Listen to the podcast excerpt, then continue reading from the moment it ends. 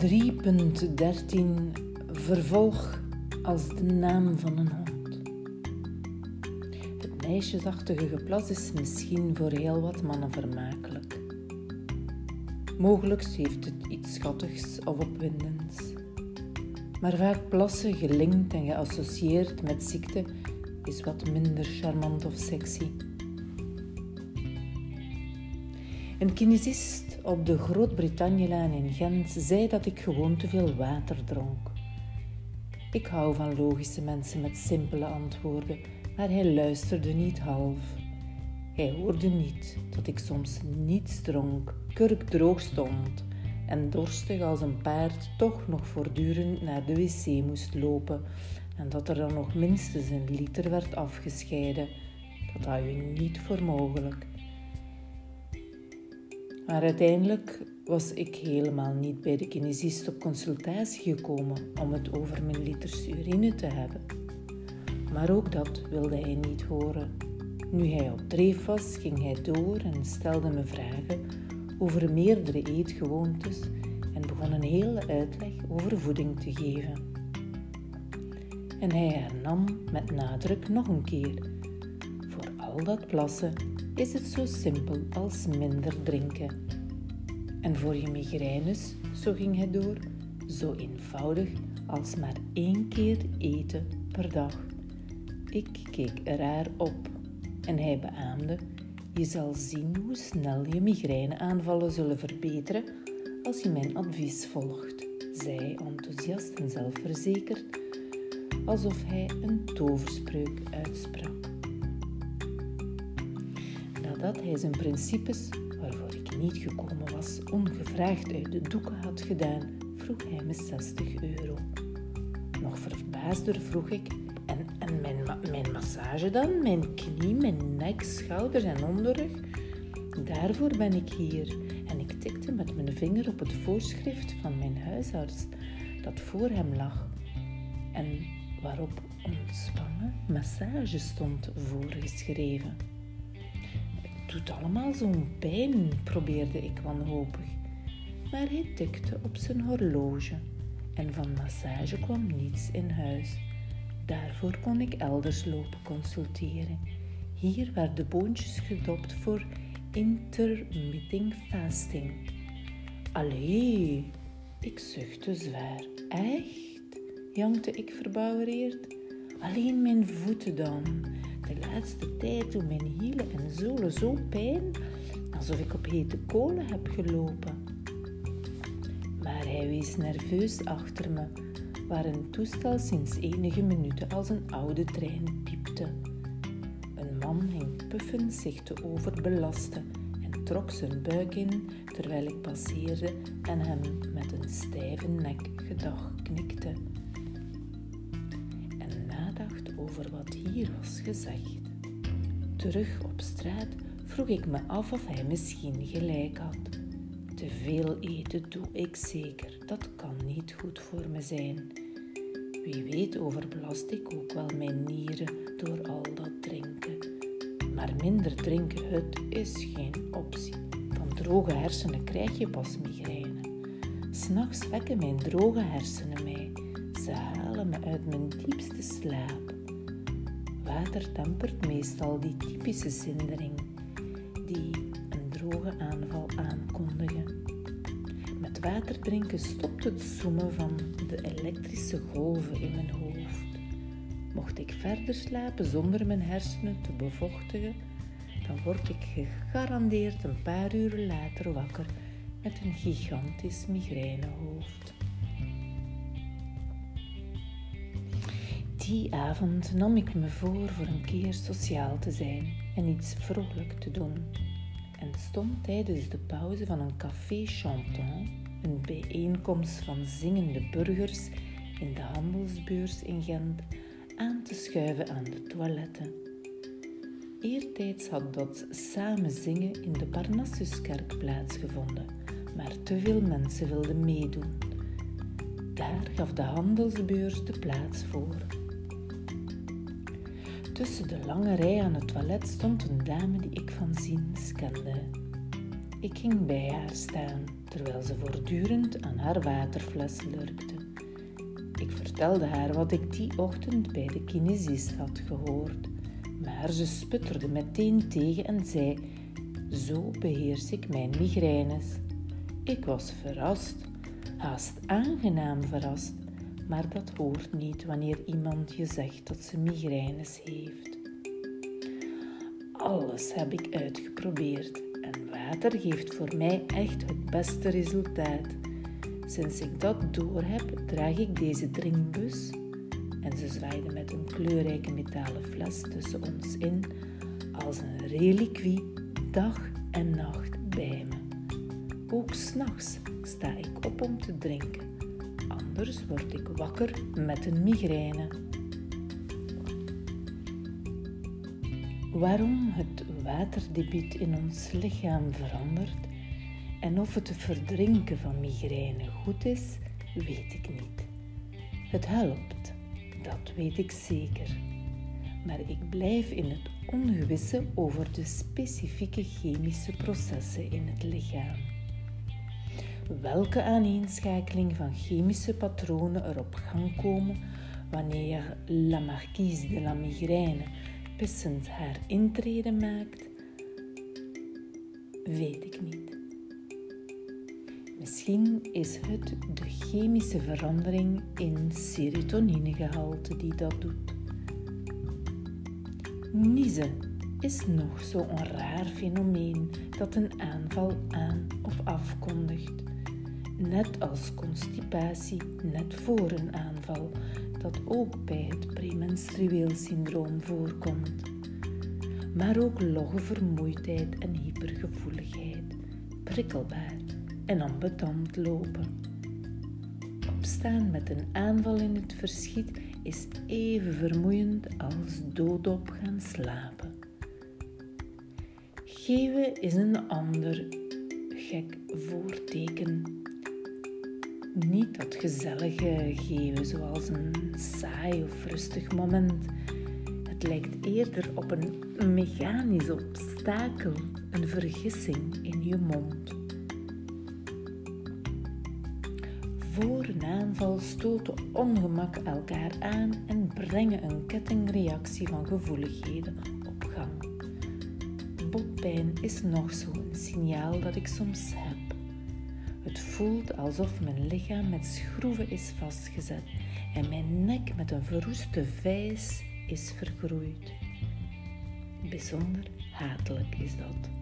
De stramheid loopt in één lijn door naar mijn onderrug en de laatste tijd heb ik het ook in mijn hielen te pakken. Op MRI-foto's zijn tal van papegaaienbekken te zien. Kleurrijke vogels die voor een migraineaanval in mijn nek aan het pikken gaan. Dat kinesisten een boompje opzetten over voeding helpt me dus niet veel vooruit. Na het overvloedige plassen niet kunnen ontlasten, geven en pijn zit migraine me op de hielen met nog meer nerveuze trekjes. En wanneer de plooien in het onderlaken en het dekbed me nerveus maken, dan ben ik zeker gewaarschuwd. Daarna volgen dus, volgt de zelfkritiek en de last van mensen. In feite heb ik dan last van alles. Van insecten die als hangjongeren wat onzinnig rondhangen. Van sterk gebundeld licht of een zonnestraal. Een haartje dat kriebelt. Droge handen. Wanorde. Geuren. Lawaai. Het zotte is dat ik al die plooien wil gladstrijken. Met de moed der wanhoop probeer ik die, in honderd, die honderden gevoeligheden allemaal aan te pakken en ga zelfs bij de buren vragen om alstublieft niet meer te roken, omdat ik dat ruik tot in mijn bed. Maar aan alle buren vragen om te stoppen met roken en met lawaai maken en aan wegenwerkers gaan vragen of het eventjes stil kan zijn, is moeilijk en ook wat vreemd. Daarop overvalt me een kinderachtige hulpeloosheid. Ik struikel, hou moeilijk evenwicht en loop overal tegen. Mijn hele coördinatie en oriëntatie loopt mank.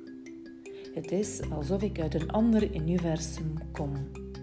Ik raak ook moeilijk uit mijn woorden, zeker in een vreemde taal. Soms neemt het taalgebrek extreme vormen aan, zoals die keer toen ik helemaal in paniek raakte. Ik flipte omdat de woorden die ik wilde uitspreken ongewild veranderden in woorden die ik niet wilde zeggen. Lieven, mijn goede maat, kwam meteen en zou me naar de dokter brengen.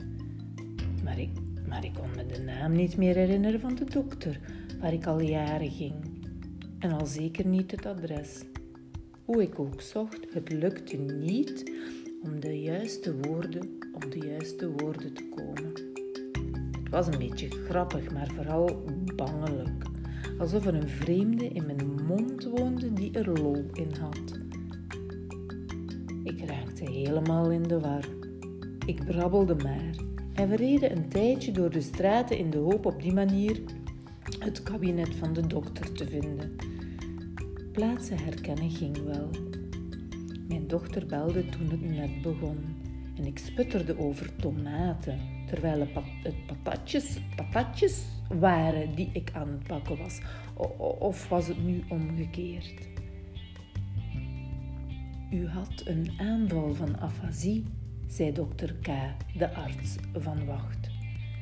Verdwaasd en afgeleid door de gigantische wijnvlekken in haar gezicht, keek ik naar de landkaart die over haar wangen in haar nek verdween. Een, een, eh, een wat blieft? Afasie, herhaalde ze. Het lijkt wel de naam voor een hond, lachte ik maar was heel content dat er een naam bestond voor die machteloze hond. Afasie is een spraakmoeilijkheid die kortstondig bij migraine kan voorkomen. In het verloop van een aura zien we dat soms. Soms krijgt men eerst een visuele aura en dan tintelingen. En soms gebeurt het ook dat er cognitieve stoornissen zoals afasie bijkomen, zei ze. Ze was heel innemend en ik vroeg me af welk deel van de wereld zo vriendelijk naar. Spannend, zei ik en bleef maar lachen. Maar niemand anders lachte. Mijn maat Lieven leek in zijn angst te blijven hangen, wat misschien wel zijn algemene houding is. Maakt u zich geen zorgen, zei de dokter een paar keren extra tegen hem. Ook zij zag dat hij niet leek te ontspannen. Ondertussen bleef ik maar lachen om mijn tomaten en dat rare gevoel van onmacht. Maar afasie was niet om mee te lachen. Er zijn mensen die nooit uit zo'n aanval raken en in afasie blijven hangen, waardoor ze volledig de controle over hun leven verliezen. Lieven wreef over zijn grote neus, terwijl zijn ogen over de grond weilden en daarna stiekem opkeken. ik lachte alsmaar door. Wat was dat? Wat was me? Wat migraine? Ja, wat blief. Ze knoeit toch echt met alles. En ik lachte alsmaar door. Ook omdat ik echt graag lag. Maar nog steeds lachte geen van beiden.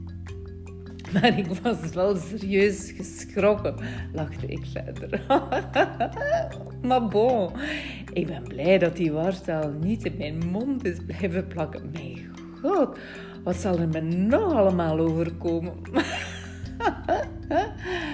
en nu lachte ik mezelf uit. Ja, taal wordt vaak geraakt tijdens een migraineaura, zei de arts onwennig omdat ik maar bleef lachen. Amai. Wat was dat? Wat was me dat? Bleef ik maar herhalen.